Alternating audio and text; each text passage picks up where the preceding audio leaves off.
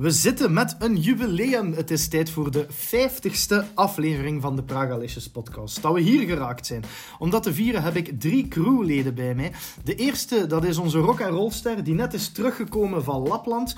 De meeste mensen die zeggen, ik heb het Noorderlicht gezien, maar in Lapland zeggen ze nu, het Noorderlicht heeft hem gezien. Dag Praga. Lap. De tweede die heeft voor één keer nog eens zijn gewone bril aangetrokken en niet zijn speciale virtuele bril waarover dat we het straks uitgebreid gaan hebben. Dag Kevin. Hallo. En de derde, die zijn een stok staat al dagenlang bienacht, maar gelukkig is het zijn een toverstok en ook daarover gaan we het straks uitgebreid hebben. Dag Aaron. Hallo. Ik ben nog altijd jullie host Roma en voor de vijftigste keer, ook ik vind dat toch echt tof om te zeggen, heet ik jullie van harte welkom bij de Pragalicious podcast.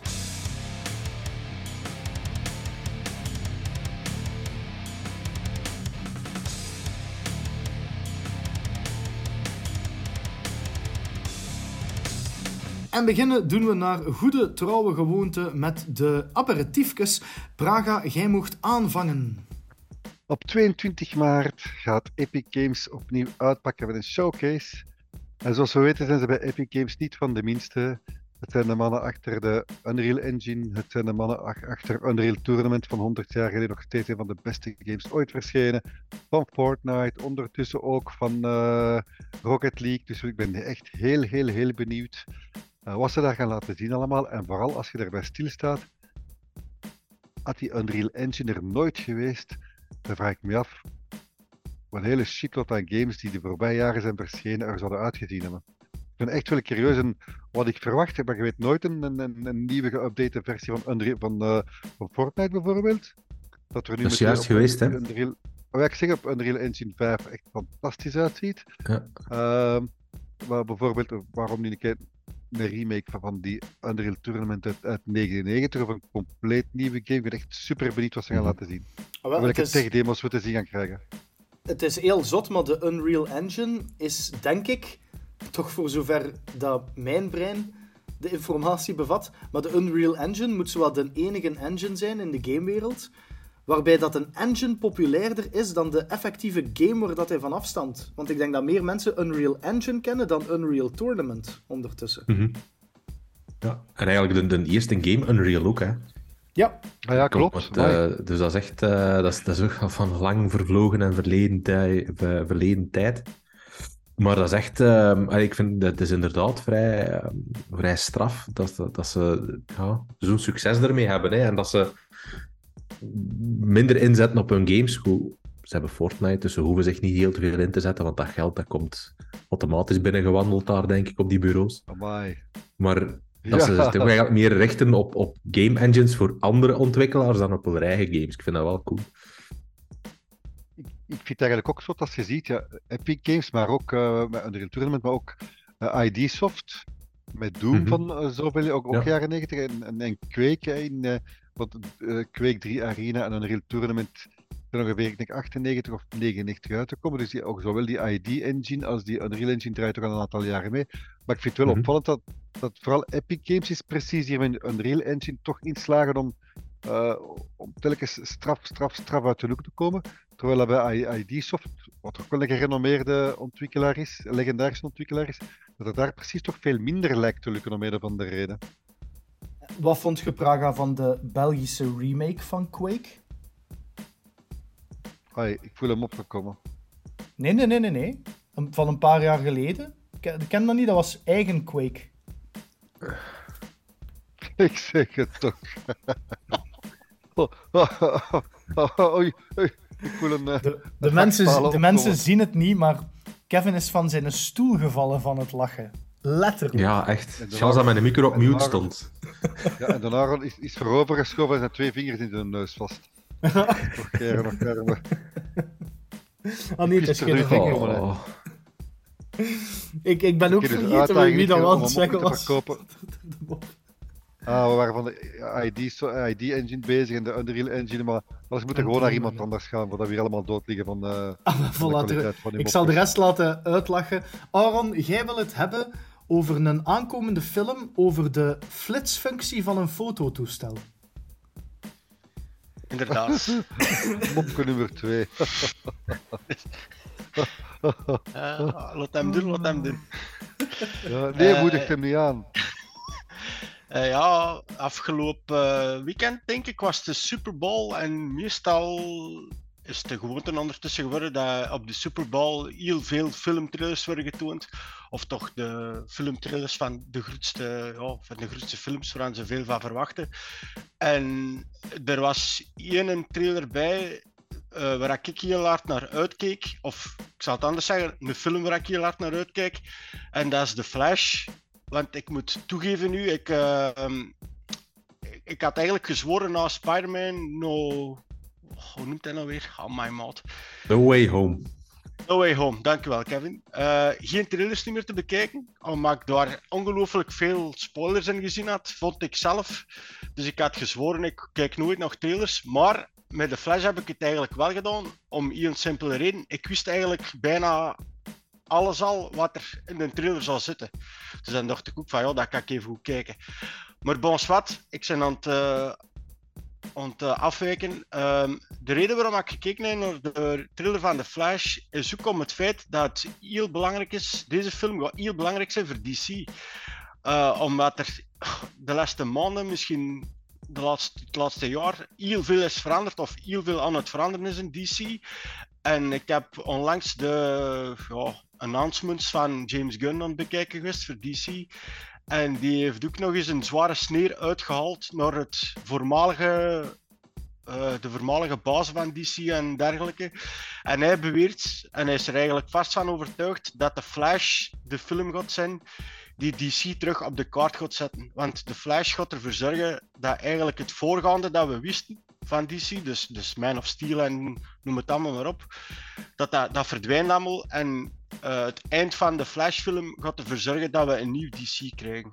Um, en ik moet zeggen, ik heb de trailer gezien. Ik was niet echt ondersteboven, moet ik eerlijk gezegd toegeven. Maar het feit is wel, Michael Keaton zit effectief in deze film als de Batman. Ja. Dus die in 1989 Batman was. Ja, dat is tof Eh, voor de mensen die de trailers niet willen kijken en dat je daar al spoiler bent wat er in de trailer zit. Maar dat is geen Tra- spoiler. trailers, want kunnen we, trailers kunnen we nu toch... Ai, iedereen, weet Iedereen, toch dat iedereen weet dat, Kevin. Iedereen weet dat. Maar hij is juist, je bent juist een heel betoog taal van waarom dat je geen trailers kijkt van films. En Ja, maar de podcast komt ook na- Vertellen.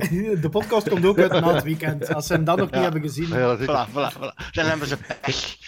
Eh, maar het, het, het ding is, en dat wist ik al voordat de Flash uitkwam, ze gingen, eh, want dat was in de Justice League, ze gingen opteren voor Flashpoint in de DCU te brengen. En wat is Flashpoint? Eh, Flashpoint is het feit dat Flash terug naar de tijd gaat voor zijn, zijn, ja, zijn moeder te redden. Eh, maar daardoor verandert dus alles en nog wat, wat hij eigenlijk niet had gewild. Maar het spijtige is wel, en dat heb ik dan ook in de trailer gezien, ze houden het niet aan de comics. Dus ze veranderen toch wederom dingen die normaal in de comics wel zijn. En ja, dan begin ik al te vrezen van, ja, wat gaan ze nou eigenlijk weer allemaal uitsteken? Ik weet niet of ik het mag zeggen, anders zwijg ik erover, maar er zit Wat dan- Ja. Wilt je, wilt je zeggen wat er in de comics gebeurd is, dat ze in de film niet gaan Ja. doen, en dat je al weet via de trailer? Ja, in de trailer zie je het. Allee, ik weet dat omdat ik, de, omdat ik de comic heb gelezen, hè. Maar, maar in de comic is het anders. Daar gebruiken ze een ander personage voor. En in de trailer, alleen in de Flash, gaan ze Supergirl gebruiken. Maar in de comics is het eigenlijk Superman. Dus allee, ja, Hmm, dat is het grote verschil. Ja. Ik Ja. denk vooral dat deze film de geschiedenis gaat ingaan van gaat er hierna nog een Flash-film komen met Ezra Miller of niet? Want daar is ook wel heel wat rond te doen geweest rond die Ja. acteur. Hè? Ja, ja die, is, die is nou volop aan eh West. En als ze van die thera therapeuten is die aan het gaan en die moest dat echt doen, om, om anders zou zo de Flash echt ook gecanceld worden. Hè? Maar de Flash is een film van pff, hoeveel miljoen, ik wil het niet zeggen. Ik denk wel misschien twee keer of drie keer meer als Batgirl. Dus eh, Ik, ik wil wel, jongens, eh, voor de podcast even duidelijk maken, als we over Ezra Miller spreken.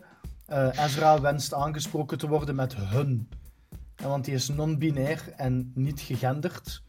Ah, ja, Dus hun. hun, hun mening moeten we wel ehm, accepteren en appreciëren. Als, we over, ja. als we over Dus hun was Attila, spreken. was, hey, hey, hey, was Attila ook non-binair dan? Ja, de hun. Oh. Echt. 2-1, ik was slechte moppen. Hè.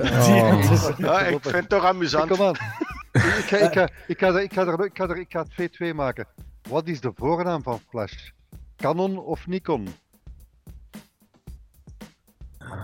Ja, Echt, dat je moet niet zoiets kunnen vinden dat we zo'n Hebben? een drumsolo erop kunnen steken, zo'n purboem. Dat is waarschijnlijk niet zo goed. Nikon of Canon? Of krekeltjes. Nee. Hey. Is dat goed voor 2-2, Roma, qua slechte moppen? Nee, want die van mij waren niet slecht. Die van mij waren goed. Oh. Dus, dus nu is de tussenstand Robin Roma goede moppen 2. Praga slechte moppen 2. Eh, maar Kevin, wat vind jij van... Nee, want het hun- is, het is- nee, nee, nee, nee, nee, nee, nee, nee. Het, het, het is niet Nikon en het is niet Canon, maar het is Kodak Flash. Kevin, wat vind jij Kodak van Flash. hun uitspattingen de voorbije jaren? Vind jij Van dat DC? hun... Nee, nee, nee, nee. Niet van Ah, van Ezra. Van, van Ezra. Van- we, kunnen Van hem hun, gewoon, hè? we kunnen hun ook Nee. gewoon met naam noemen, hè. Ezra. Nee, Ja, hem dat is Nee, te nee, makkelijk. nee, van Attila. Dat is te makkelijk. Ja. Van Attila. Wat vind, je, van wat vind je Attila. van hun uitspa eh, uitspattingen de laatste jaren? Zou hun nog altijd de hoofdrol mogen spelen in, in hun film? Ah, wel, in alle eerlijkheid, hè. Ik heb ehm, hun eh, dingen niet gevolgd, wat er eigenlijk allemaal gebeurd is. Dus het boeit mij eigenlijk ook geen hol. Dus je moet het niet om mij hebben. Vrouw het dan iemand anders. Begin opnieuw, vrouw het iemand anders. Want ik, ik weet, waar heeft hij Maar ik uitgestoken? Ik, weet dat niet. Aaron, weet jij wat Ah, dat hun wel- allemaal gedaan Ja. hebben? Ja. Die heeft heel uitgestoken. Hè. Die eh, bepaalde personen eh, van minderjarige leeftijd wel lastig ontvallen geweest. In hoeverre, dat weet ik niet exact. Eh, die doet ook heel veel dingen, vooral op het eiland eh, Hawaii. eh, veel mensen aan het bedriegen en aan het dingen zijn geweest. En allee, blijven slapen en wat bestolen. Er zijn genoeg hotels waar dat hij Ja. niet meer binnen mag. Ja. We zullen het Ja, zo dus zeggen. die waar, dat eigenlijk wel hun, uitgangen. waar dat hun niet meer Nee, binnen hun. mogen. Sorry. Eigen, eigen hun wat uitgangen. Hij heeft zijn hun er laten uithangen. Ik, Ja. ik, ik ga hun achterwege laten en ik ga naar mijn eigen moment van de week gaan. Dat is eigenlijk een heel kort. Ehm, ik wil het gewoon even eh, kort hebben over een sketch. Praga, ik beloof dat ik het niet doe om u een hak te zetten. Maar ik wil het hebben over het fantastische acteertalent van Pedro Pascal. Want niet alleen is hij dat week na week aan het bevestigen in The Last of Us. En episode 5, spoiler-free, is de beste episode. Niet kijken, ik moet toch kijken, ik moet nog Ja, maar kijken. ik, maar ik nog zeg net spoiler-free. Dus, maar dat is de beste episode tot nog toe van de reeks. Eens. Eens, voilà. Ik zal even uitleggen, Praga, wat er allemaal gebeurt. Dus de episode begint... Fuck you. ik zit op mute. hè. Ja, je zet... Allee, voor, voor de luisteraars thuis, Praga heeft nu zijn micro op mute gezet, maar dat kan ons nog steeds horen, hè. Maar voor de Ah, ja, rest... dat is juist. juist. Oké, oké, oké. tactieken hadden geen steek, Praga.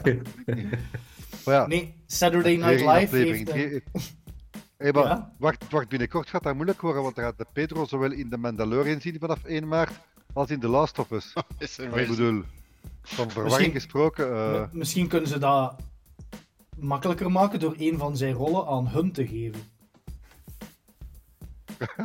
maar ik vraag me toch af, ik vind het een supergoeie serie, The Last of Us. Maar Ellie, ik voel Ellie nog altijd niet, hè. Ja, daar, hebben we het al genoeg over gehad. Het moment dat ik wil aanhalen, is een eh, sketch die ze bij Saturday Night Live hebben gemaakt. Een fantastisch komisch satirisch programma in Amerika. Waarbij dat ze eigenlijk het principe van The Last of Us hebben genomen en zichzelf de vraag hebben gesteld van is dit toepasbaar op alles?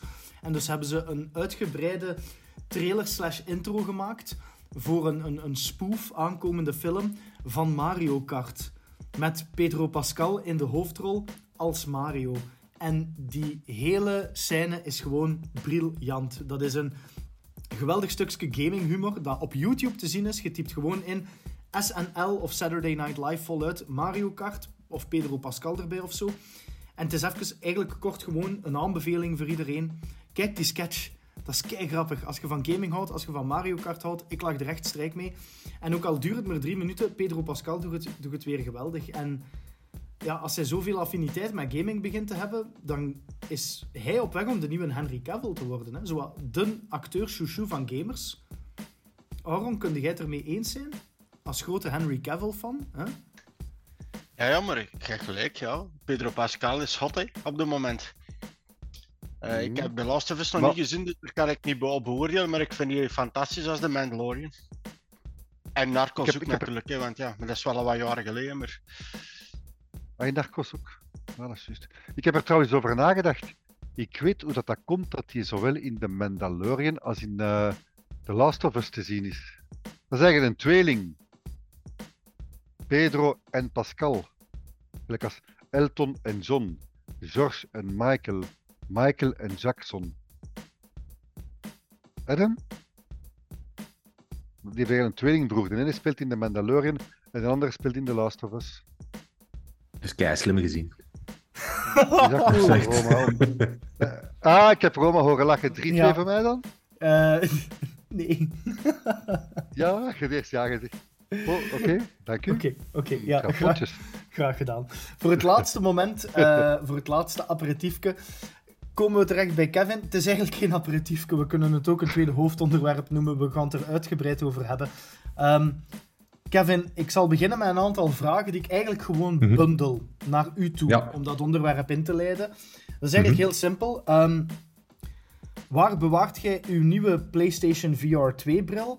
Is er een alarm bij uw huis? Is er bewaking? En wat is de makkelijkste manier om binnen te komen? En wanneer ga jij op verlof? Eh, verlof gaat er niet in zitten. Eh, die wordt bewaard in een kast. Maar dat, dat mag volgens bepaalde documenten die ik ondertekenen heb, niet eh, in het openbaar aan een raam liggen. Ehm, en voor de rest, ja, ik weet de vragen niet meer. Maar we zullen uw nee, gegevens, uw ja. adres en zo zullen we allemaal wel in ja, de thumbnail zetten in de show notes. Maar het gaat dus over de. PSVR 2, Ja. Kevin.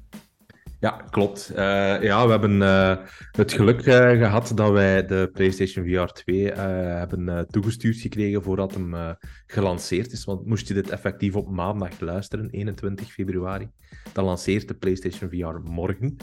Maar ondertussen staat de review ook online. Ik heb al een paar dagen er heel veel plezier mee gehad. En ehm, ja, eh, ja, waar moet ik eigenlijk beginnen? Hè? Eh, misschien om, om te starten van, ja, eigenlijk is het wel geworden hetgeen dat we er wel van verwacht hadden. Het is, eh, ik vind het een, een correcte upgrade die nou we verwacht hadden. Hè? Want ja, de, de eerste PlayStation VR dateerde al van eind 2016. En ja, die, die, die ligt hier ook nog ergens in huis. En die, ja, laat ons eerlijk zijn, dat was geen plezier om daarmee te werken. Hè. Eh, om die aan te sluiten, dan moest je, al, je moest extra kabels aansluiten, je moest dat dan in een bakje steken, dat dan verbinden met je PlayStation 4. En dan nog drie kabels van je headset erin steken en Dat nog was een extra voedingskabel. Dat was gewoon was gruwelijk. Dat was 10 minuten werk op en afzet samen, Ja. elke keer. Absoluut. Dus daar heeft Sony echt wel eh, goed geluisterd en geleerd. En ik denk ook gewoon gebruik gemaakt van een technologie die er nu voorhanden is. Nu is dat gewoon één USB-C-kabel die je van voor in je PlayStation 5 plugt. En ja, je, bent vertrokken. Ehm, de, de schermpjes die binnen in de bril zitten, ja, weg die, die pixelwaasheid die er, eh, die er was bij de vorige generatie. Ja, nu is het echt prachtig 4K-beeld. Zelfs HDR zit erin verwerkt. Ehm, en het, het, het coole eraan is, ze hebben daar ehm, eye-tracking in verwerkt, in de bril zelf.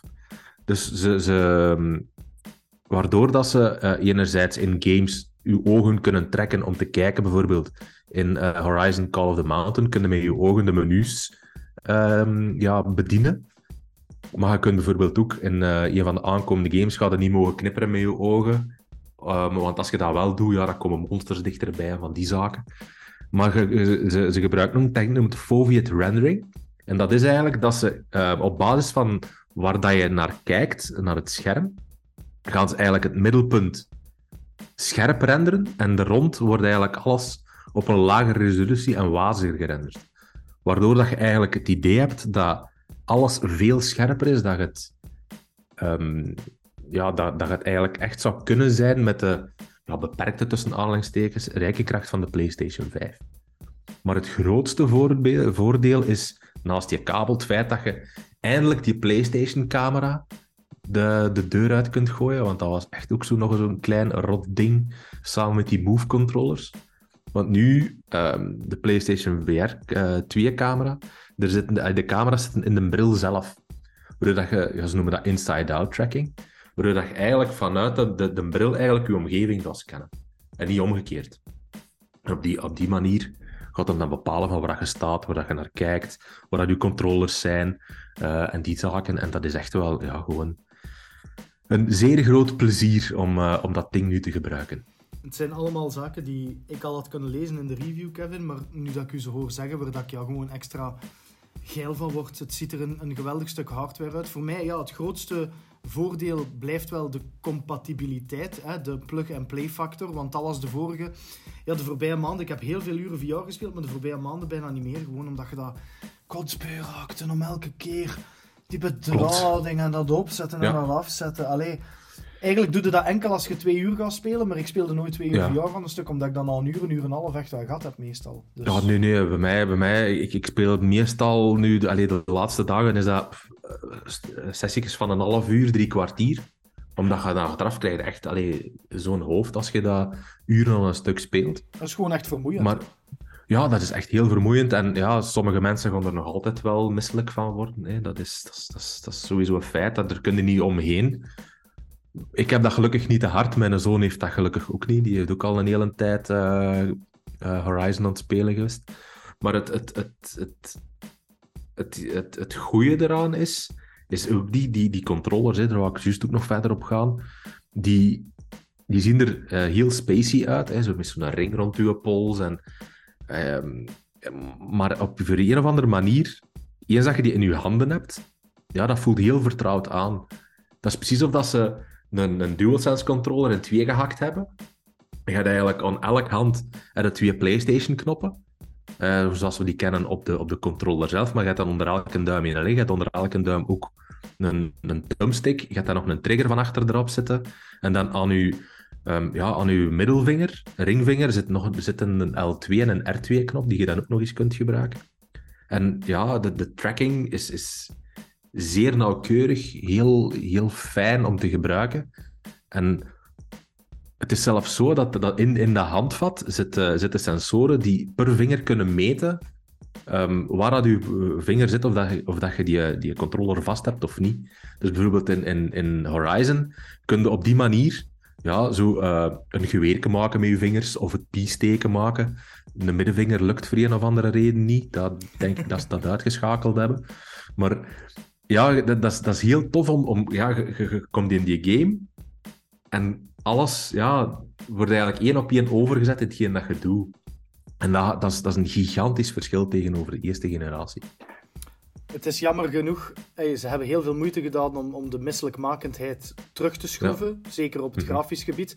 Jammer genoeg zullen er velen nog wel misselijk worden van de prijs. Dat blijft een, uh, een zware bom. Alhoewel, ja, ga natuurlijk in vergelijking met een Oculus en een ATC valt dat dan weer mee, I guess. Ja, het, het, het, is, het is dubbel. Hè. Enerzijds, ik heb het ook als, als, enerzijds als negatief punt gezet in mijn review, want ik heb niet gezegd dat hem duur is, hij is niet goedkoop.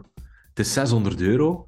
Ja, dat is veel geld hè. Oh. Voor, een, voor, voor, voor een accessoire, voor een console die op zichzelf ook al 500 euro kost.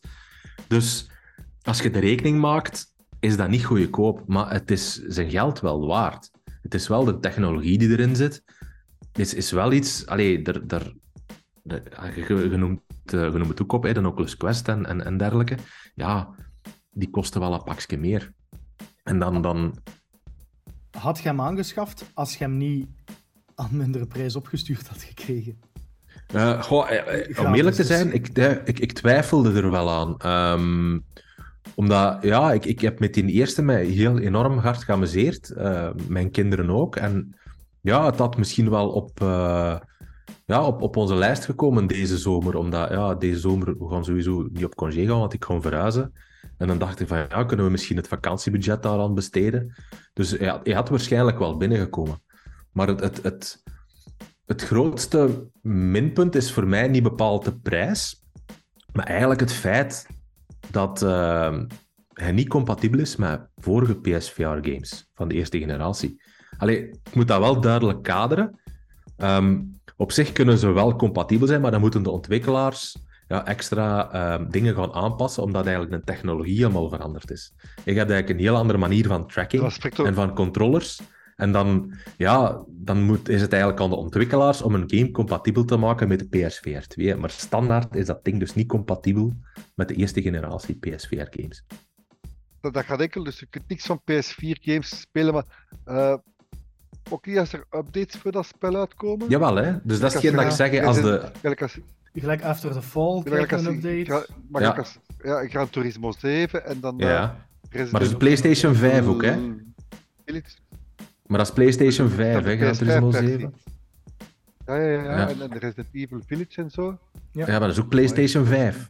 Maar het, ik heb het echt over de, de, Until de Dawn Rush die, of Blood gaat bijvoorbeeld niet kunnen spelen. Voilà. Als de, het kan zijn dat ontwikkelaars dat in de toekomst nog gaan aanpassen. Hè. Dat weet ik niet. Dat die, dat die zeggen, ja, we gaan er toch nog een update aan geven. Ik vermoed van niet. Maar bijvoorbeeld MOS, hmm. dat is uh, een van, uh, van de ja. leukere platformers van de eerste PSVR. Ja. Die heeft wel een update gekregen. Die kunnen wel op de Play, uh, VR 2 spelen. Dus het hangt echt af van of dat een ontwikkelaar zegt van we gaan er tijd en moeite in steken om daar een update voor te maken. Hogwarts Legacy is de hype van het moment en het brengt eindelijk de game die Harry Potter-fans verdienen, wouden. Er zijn hier en daar wel een paar puntjes van kritiek, maar die laat ik heel graag uitleggen door onze persoonlijke toverstok-specialist die op zijn bezem er is bijgevlogen. Aaron, jij hebt de game voor Pragalicious voor ons gereviewd. Is het effectief de hype waard en is het de game die Harry Potter-fans al zo lang wouden en verdienen geworden? Zeer zeker. Um, het is, ja, het is, het is een uh, nostalgische trip door Hogwarts voor alle Fantastic Beasts en Harry Potter fanaten. Niet alleen dat ook. Mensen die uh, ja, het magische aspecten uh, liefhebben. ik had er eigenlijk niks van verwacht ik, van de game. Ik, ik, ging er echt in van, het gaat een game worden, die nu, is die nu goed of is die nu slecht? Het gaat niet uitmaken, die gaat toch verkopen. Uh, stel je voor als een eh, slecht. Nu hebben ze een goede game afgeleverd natuurlijk. Maar als ze een slechte game hadden afgeleverd, had die, had, die had ook verkocht geweest. De, zonder twijfel. Maar het, het ding is, het is eigenlijk vanaf de eerste, ja, de eerste moment dat je het spel opstart, voelde die ja, echt letterlijk en figuurlijk die magie. Uh, je, je herkent alles. De muziek, Hogwarts zelf, uh, ja, uh, Hufflepuff, uh, Slytherin, noem het allemaal maar op. Het zit er allemaal in. En wat ik langs de kant ook wel goed vind aan het spel, en dat is dan misschien een beetje raar langs de andere kant, dat hij geen... Het kan ook niet anders natuurlijk, maar je is zo niet van Harry Potter. Dan mag het ook natuurlijk voor Harry Potter afspeelt, wat logisch is, maar voor hetzelfde geld hadden ze toch nog hier of daar Ik denk dat dat ook een van de sterke punten is, dat de game zich wel heel duidelijk in hetzelfde universum zet, maar afduwt van de source material van Harry Potter. Dat maakt het misschien juist zo sterk. Ja, Ziet er niks van bekende personages uit de films ja, in Van de films wel, namen, namen wel. Uh, Weasley en zo kom je tegen. En bepaalde namen kom je ook tegen van dat je een link kunt leggen met personages uit de films. Maar het speelt hem 100 jaar af, als ik het mij correct voor heb, 100 jaar af voor Harry Potter. Dus oké, het is wel magie, maar het zou toch straf zijn, moesten er dan dezelfde personages inlopen als in de films. Dus, uh, maar, het, maar het ding is ook, het begin is een beetje, dat heb ik ook in de review gezet, het, het kan een beetje voor sommige personen traag opstarten, de game. Omdat je in het begin vooral pak de eerste vijf uur in Hogwarts vooral vertoeft. Dus je moet naar die klas en je moet naar die klas. En dat is allemaal wel, allee, dat is allemaal wel tof ineengestoken. En dat is eigenlijk zo wat tutorial-achtig eigenlijk. Maar eenmaal als je buiten Hogwarts gaat, ja, dan gaat er nog eens een volledig andere wereld open in dat spel. En die ziet er gewoon ja, fantastisch uit. Die bossen zien er knap uit. Alle sidequests dat je moet doen, de, de puzzels dat je tegenkomt, want er zitten heel veel puzzels in. Die eigenlijk allemaal wel heel fijn zijn om te doen. Want bij sommige games kunnen zwemmen van oh, zo weer die, weer die puzzel of, of noem het maar op. En dat had ik niet. Ik, ik vond die allemaal leuk om te doen.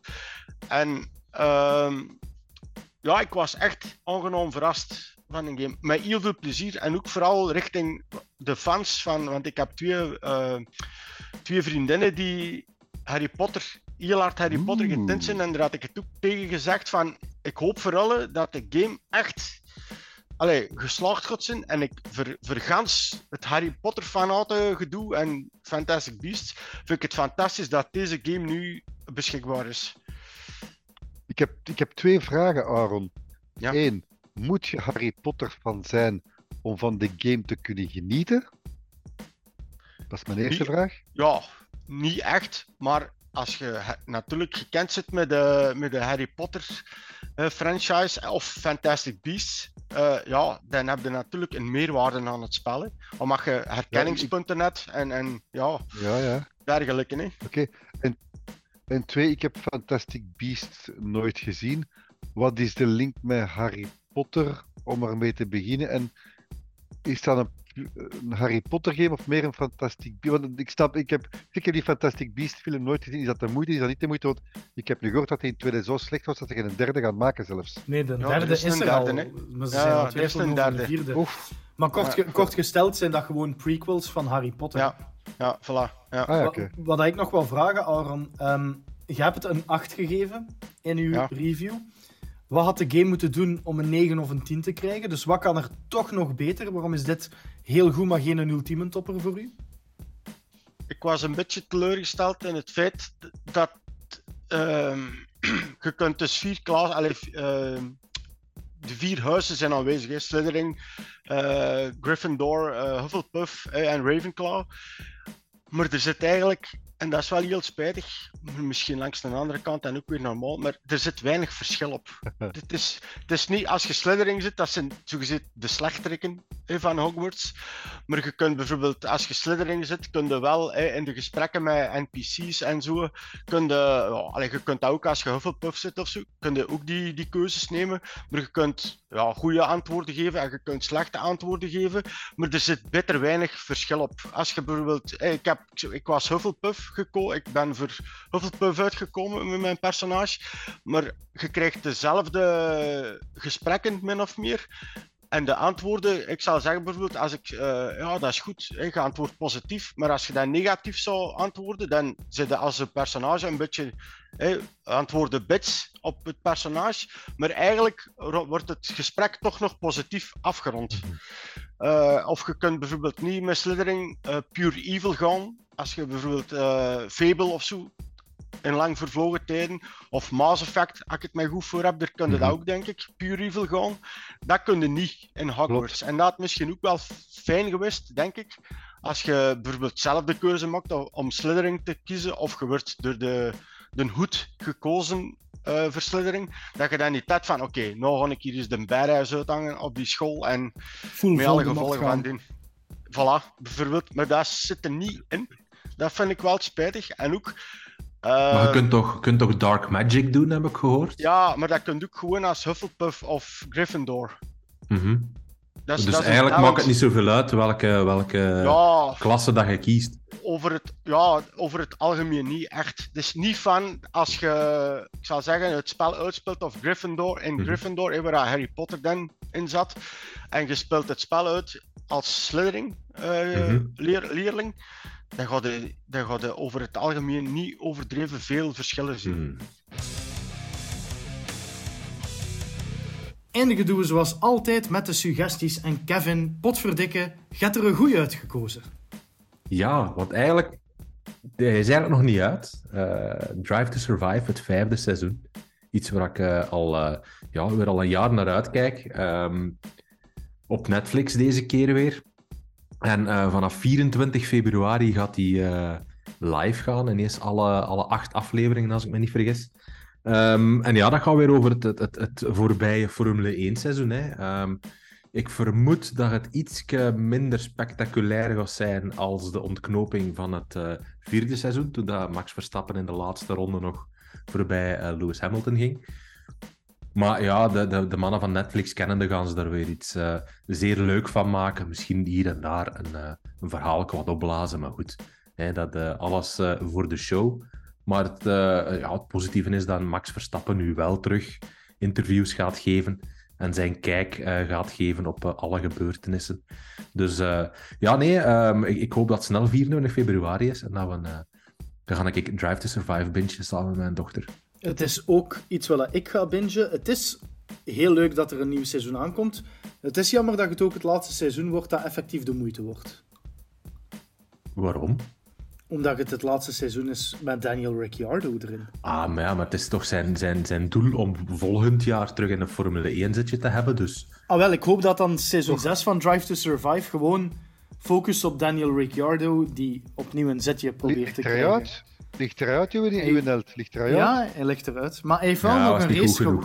Nee, hij heeft dit jaar geen race niet meer gewonnen. Dat was vorig Nee, nee, jaar nee. al. Dus fuck. Die Ja, heeft ik geen hoop het die heeft niet veel potten gebroken hij, hij, deze dacht jaar. een, hij dacht een kutseizoen gaat niet te doen. Ja. Heb je een driver, Kevin, waarvan dat je zegt van op hem mag echt wel meer focus gelegd worden? Want er zijn er altijd wel een aantal. En gelijk de voorbije seizoenen, Kimi Raikkonen kregen we elk seizoen. Ja. Natuurlijk ook omdat hij dat zelf zo wou. Maar je kreeg Ja. die nooit meer dan 10 seconden te zien. Is er een driver Ah, nee. waarvan dat je zegt van ik wil meer focus op hem? Ja, Kimi Räikkönen sowieso, maar hij rijdt niet meer mee. Maar die mens, dat is gewoon zalig. Hè. Als je er een vraag aan stelde, dan, dan verwacht hij zo'n antwoord van eh, een, ja, een woord of 35, 40. En dat was zo van yes, no, dit. Ja, dus je kunt daar ook geen zeer interessante interviews mee doen. Maar goh, ik, ik, ik ben wel ehm, eh, ja, fan, allee, liefhebber van Lando Norris. Ik vind dat een hele fijne gast.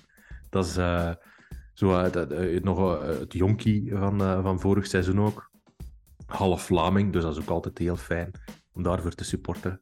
Ehm, en ja, weet je, dat, dat, dat, die mag van mij wel voldoende screentime krijgen.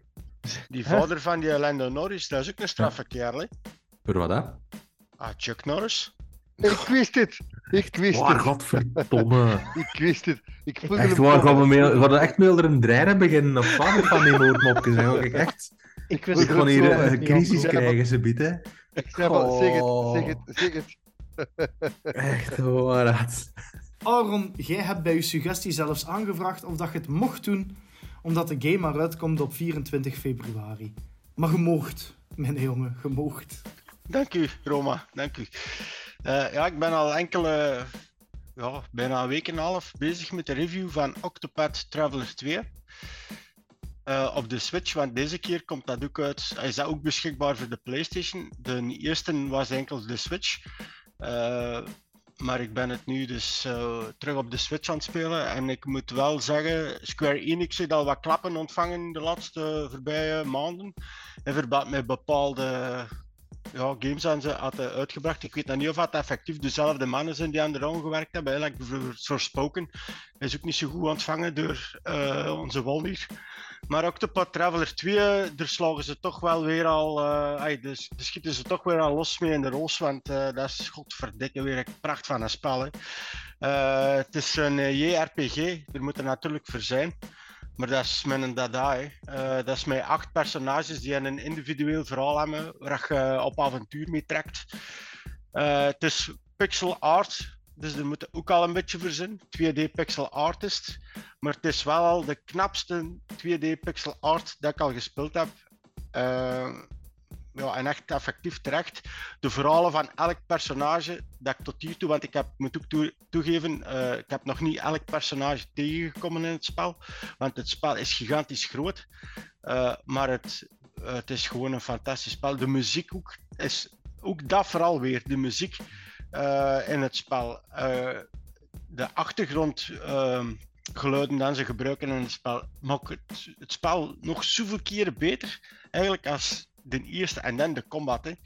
Eh, maar ik kan afronden, want ik ben eh, weer veel te veel aan het babbelen. Dat is ook weer een gewoonte van mij natuurlijk. Allee, Maar jij, ik kon- dat je dat zo beseft. Eh, maar ik, Ja, het, het is nu, de podcast komt op maandag uit, dus ik, normaal gezien kan het zijn dat de review dat wel online gaat staan. Hmm. Want anders moet ik de review niet meer Ja, schrijven, dat ik het hier allemaal lig te. Het is dat, hè. De suggestie die ik zelf even aanbreng is een serie op streams van HBO. Ik heb sinds kort streams om The Last of Us te volgen, zoals eh, heel wat mensen doen. En dat betekent dat ik gewoon heel wat aan het bingen ben. Ik heb een aantal Vlaamse series doorgenomen. Doe zo voort met Lucas Lely is een heel leuke, by the way. Maar de serie die ik even wil aanhalen, is er een die ik de voorbije twee weken heb gebinged als een gek. En dat is de HBO-reeks Silicon Valley. Een fantastische sitcom. Afleveringen van 25, 30 minuten.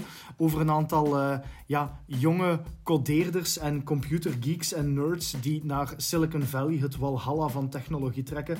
Om daar een start-up uit de grond te stampen en een revolutionair idee tot bij de mensen te brengen. Maar naar goede getrouwe traditie van elke sitcom zo gaat dat natuurlijk niet van een leien dakje. Uh, hoofdrol wordt gespeeld door Thomas Middleditch, een geweldige acteur, maar het is vooral Zach Woods die de show steelt. Een acteur die je ook kent van The Office. Je moet hem maar eens opzoeken, hij heeft een heel herkenbaar gezicht. Is een meester in het improv-comedie. Eigenlijk zijn de deleted scenes en de bloopers altijd even grappig, omdat meer dan de helft van de takes die hij doet onbruikbaar zijn, omdat zijn co-sterren gewoon in de lach schieten door zaken die hij zegt. Maar dus Silicon Valley, heel slimme humor, een heel alternatieve reeks. En wat het voor mij extra mooi maakt, is The Big Bang Theory. Vond ik in het begin heel leuk, maar ging naarmate dat de tijd vorderde van de rails, door veel meer aan romantiek uh, te spenderen en dergelijke. En dat is een fout die Silicon Valley niet maakt. De technologische kant blijft serieus. Het is een programma dat vooral computergeeks en codeerders extra leuk gaan vinden. En de humor blijft altijd lekker awkward. Dus uh, dat is mijn kijktip, Silicon Valley. En voor nog iets extra, wat op streams ook te zien is, Praga, sluiten we af bij u. Ja, met het tweede seizoen van Fairtrade. Ik heb uh, seizoen 1 niet gezien en je moet gelukkig seizoen 1 eigenlijk... Het is aangeraden dat je het wel ziet, maar het, wordt in, bij de start, de eerste aflevering van seizoen 2, wordt wel heel goed, ik kan u niks spoilen, geduid wat er in 1 is gebeurd en wat de mogelijke gevolgen zijn daarvan. Maar ik was een hele grote fan van... Uh, van dingen van Matrushkas. En het is een beetje dezelfde kaas, onder andere Sven de Ridder, onder andere... Uh, Peter, van den Begin, van den Begin die basically dezelfde keren speelt. Ja, ja het, personage speelt die eigenlijk ook de serie precies wat vraagt. Natuurlijk, maar voor velen de, de, de, knapste Belgische actrice Ella Joen. Wat is het, Eraar of zoiets? Of een, en, en, en Arvis in deze jaar. Oh, raar. Ik heb, ja, want ik heb, ik heb seizoen 1 niet gezien, maar ik heb dan uh, op het werk hebben we de afvalpremière van seizoen 2 de eerste aflevering gedaan. Ik moet zeggen, ik was toch uh, direct helemaal verkocht. Zeker een, uh, een dikke vette aanrader. Maar als je kunt, toch wel eerst even seizoen 1 zien om helemaal mee te zijn. Om nog meer te genieten van seizoen 2. Ik heb seizoen 1 gezien. Ik vond het persoonlijk veel meer Hollywood dan dat ik had gedacht. Ik denk niet dat je er echt zo aan toe gaat bij de Antwerpse politie, maar het is wel heel leuk kijkvoer. Uh, dat wel. Met een uh, Kevin, Kevin Janssens on drugs. Ah, ook, uh, ook heel razend actueel met alles wat er momenteel zo aan drugsoorlog in Antwerpen aan de gang is en zo. Hè. En zo zit de 50ste aflevering van de Pragalicious podcast erop. Voor al jullie gamesnacks kunnen jullie nog altijd terecht op pragalicious.com en op onze social media kanalen via Facebook, via Instagram, via TikTok. En de podcast die vinden jullie terug op Apple Music, op Spotify en op elk ander kanaal dat weet wat een goede podcast is. Wij zien jullie heel graag voor de 51ste keer. Voor de keer terug.